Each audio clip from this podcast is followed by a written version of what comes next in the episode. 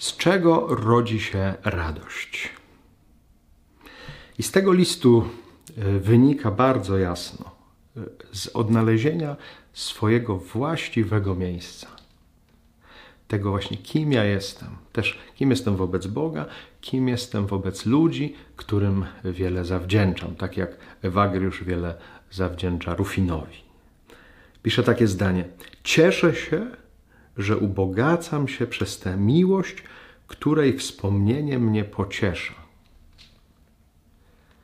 Pamiętam miłość i to wspomnienie mnie pociesza.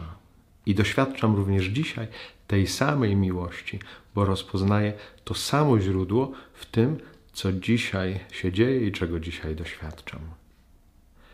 To jest najgłębsze źródło tej prawdziwej radości. Jeżeli słyszę, że jestem z miłości, jeżeli słyszę, że jestem dla miłości, a tym samym jestem na swoim miejscu.